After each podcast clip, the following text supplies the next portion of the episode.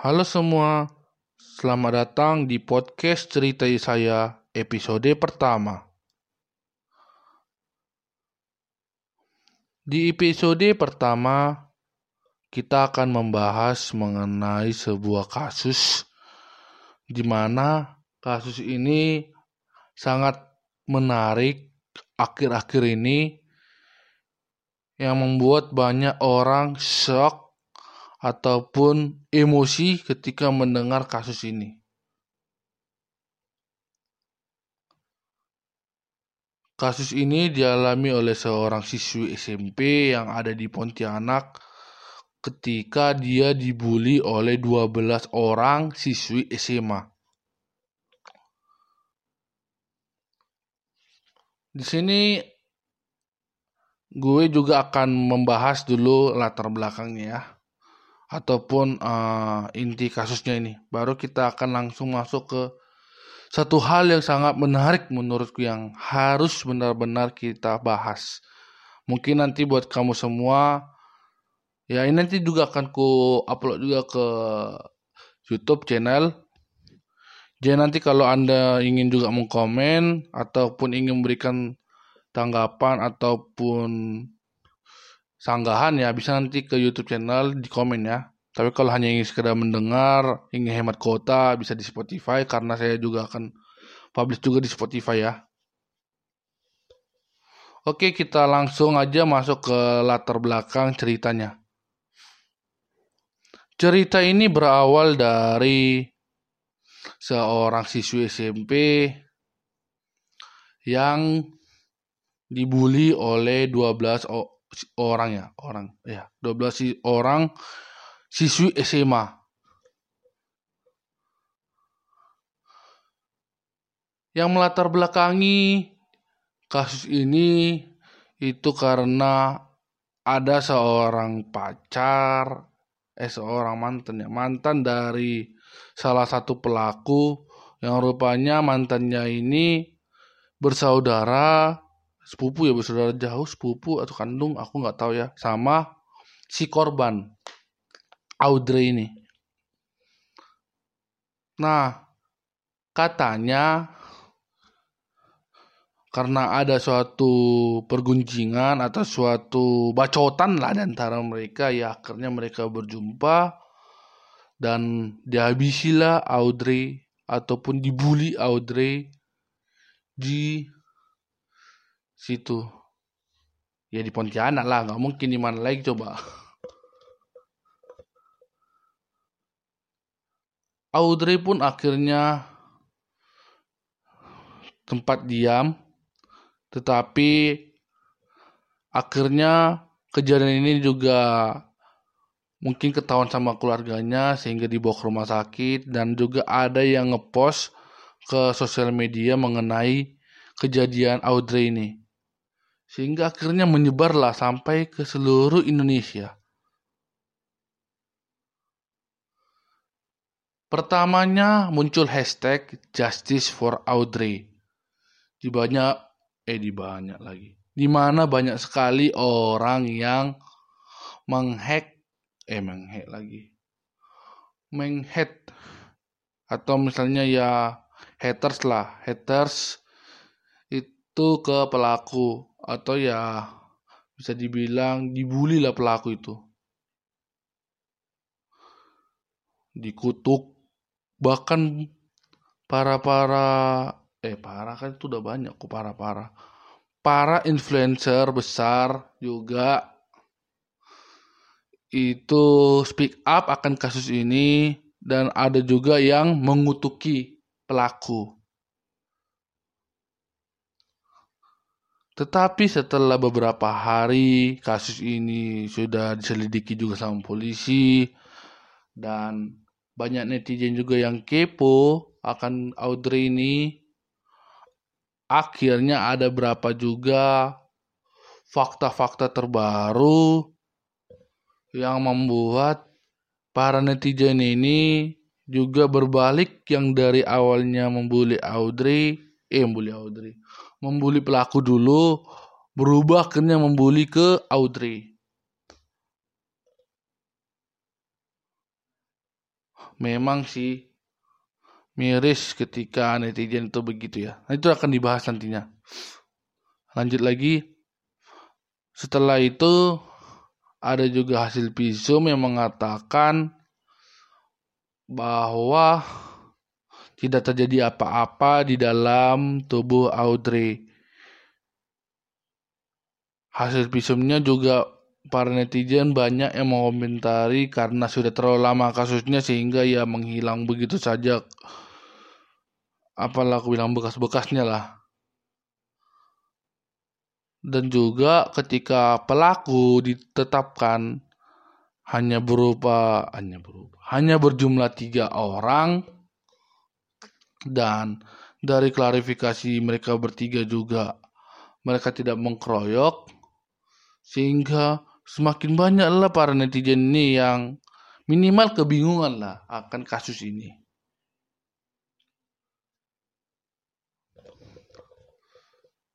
Jadi sampai ada juga hashtag Audrey juga bersalah.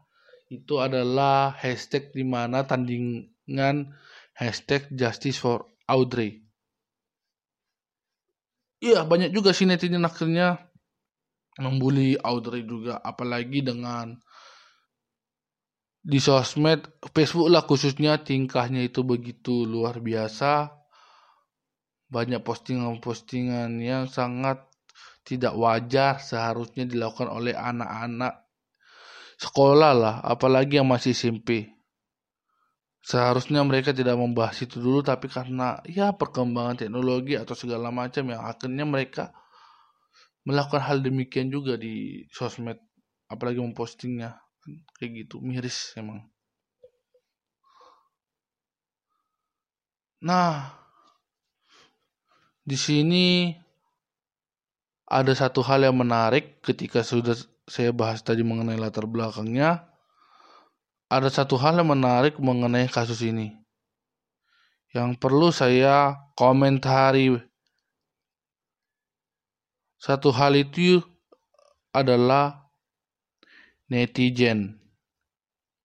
Ini benar-benar hal yang benar membuat saya miris sekali terhadap netizen. Ini bukan masalah mereka terlalu emosi atau segala macam ya terhadap kasus ini. Tetapi banyak juga uh, orang-orang Indonesia ya netizen-netizen Indonesia juga langsung speak up begitu saja. Dilihat dulu lah kasus ini, diteliti maunya dulu. Ketika sudah teliti ada hal yang baru, eh malah berbalik lagi membuli yang pihak sebelah. Sebenarnya kalau aku bilang ya kasus ini benar-benar memberikan contoh betapa bodohnya netizen Indonesia. Betapa bodohnya juga influencer-influencer besar yang langsung melakukan tindakan sebelum mengetahui fakta-fakta yang terbaru atau fakta-fakta sebenarnya. Please, kalau memang ingin stop bullying, jangan langsung speak up Jangan langsung ngomong, jangan langsung buat konten. Dengar dulu, biar kepolisian dulu yang mencari tahu. Dan kita sebagai netizen seharusnya jangan dulu membuli. Tapi kita harus mengawal kasus ini. Itu sebenarnya yang harus dilakukan. Ini bukan masalah Audrey-nya juga loh. Pelakunya juga kalian bully. Itu sangat menyakitkan hati mereka juga sih. Sangat benar-benar mencederai mereka. Kalau dibilang karma, karma itu hukum alam, bukan hukum sosial. Di mana kita harus membuli mereka balik. Untuk pelaku dan untuk Audrey ya itu jangan sekali gas dibully mereka. Harusnya kita lindungi mereka, kita kawal kasusnya, kita berikan perlindungan kepada mereka, dan juga jangan terlalu langsung speak up. Apalagi itu informasinya akan berawal dari sos sosmed. Belum tentu sosmed itu benar guys. Belum tentu. Harus di cross check dulu terlebih dahulu.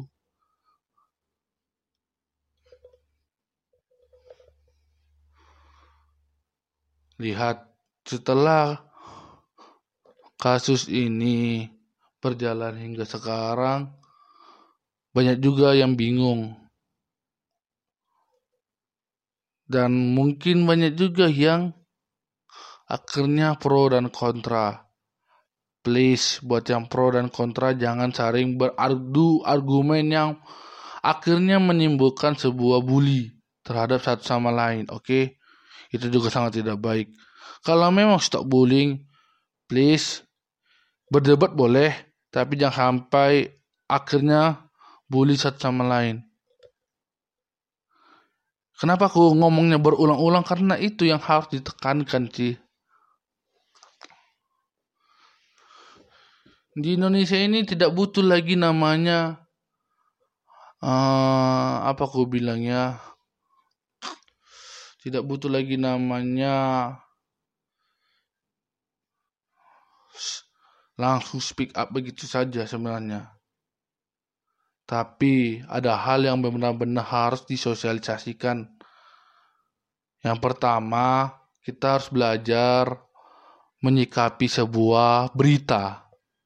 Jangan langsung ditelan mentah-mentah, tapi harus kita selidiki lagi Setidaknya kalau kau pun malas menyelidiki, biarlah pihak kepolisian yang menyelidiki dan kamu menunggu sabar sampai ada hasil terbaru. Kedua, Indonesia ini juga butuh sosialisasi mengenai bully. Dampak buruknya gimana? Dan hal lain yang mengenai bully juga harus sebenarnya disosialisasikan. Jangan kepada rakyat Indonesia, tapi juga kepada influencer-influencer besar juga harusnya disosialisasikan lagi mengenai bully. Jangan hanya tahunya mengkampanyekan stop bullying, stop bullying, tapi Anda sendiri juga membuli.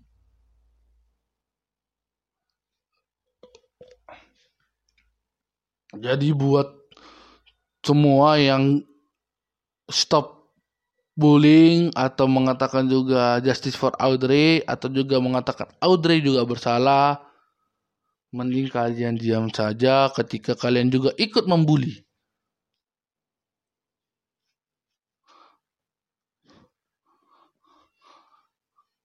Kalau aku sih jujur ya secara pribadi gak mau sih membuli pelakunya juga. Dari awal juga aku gak mau membuli pelakunya.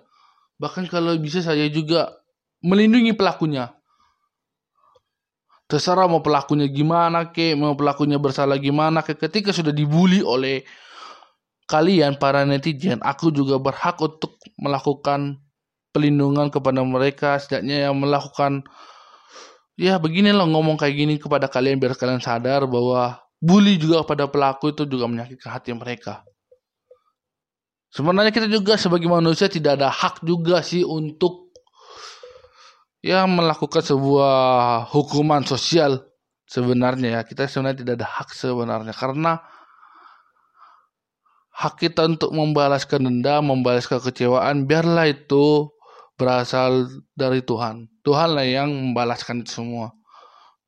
Kita hanya bisa mengawal atau setidaknya kalian kesal atau segala macam beritahu kepada pihak kepolisian, percaya kepada mereka. Anda warga negara yang baik, percayalah pada kepolisian. Oke, mungkin sampai sini dulu ya untuk pembahasannya. Harapan saya sih ke depan kasus ini bisa kita kawal sama-sama dan kasus ini bisa berakhir dengan damai. Kenapa damai? Karena menurut saya sih kasus ini benar-benar bisa menimbulkan kedamaian bagi si pelaku dan si korban. Bagaimanapun juga mereka juga warga negara Indonesia dan berasal dari kota yang sama, seharusnya damai adalah jalannya. Walaupun pada akhirnya para pelaku juga hukumnya itu juga wajar karena hukum juga harus ditindakkan tapi setidaknya hubungan mereka pun harus damai harus berakhir dengan baik jangan karena dihukum juga para pelaku ya hubungan mereka juga tidak baik. Tapi setidaknya hubungan mereka damai bisa berjabat tangan saling memaafkan. Tapi di satu sisi hukum juga harus berjalan biarlah dihukum mereka. Kalau memang pada akhirnya ada keputusan mereka bersalah. Dan harapan saya satu lagi buat netizen ya bersabar ya bersabar, jangan langsung speak up terus, jangan langsung mengutuki. Dan bagi siapa pun anda yang sudah mengutuki ataupun sudah membuli ya bertobatlah. Karena jangan membela diri karena mengatasnamakan karma ya. Udah bisa lah bertobat oke? Okay? siapa pun anda mau anda orang besar ke mau orang kecil ke gak peduli aku ya penting kalau sudah melakukan sebuah bully bertobatlah. Biarlah kita mengkampanyekan stop bully bukan hanya dari sekedar mulut tapi dari tindakan kita. Oke okay, uh, eh, ini akan saya upload ke YouTube channel ceritai saya dan juga akan diupload di Spotify podcast ceritai saya jadi bagi Anda yang mau ingin dengar, bisa di Spotify, bisa di YouTube channel ya. Terima kasih buat kalian yang sudah setia mendengarkan ini. Dan mungkin di episode-episode selanjutnya kita akan membahas kasus-kasus yang menarik lagi ya. Kalau ingin komen atau ingin menyanggah, bisa mampir ke YouTube channel saya dan komentari di sana. Sampai jumpa di lain waktu. Diceritai saya, semua perlu dibahas. Dah.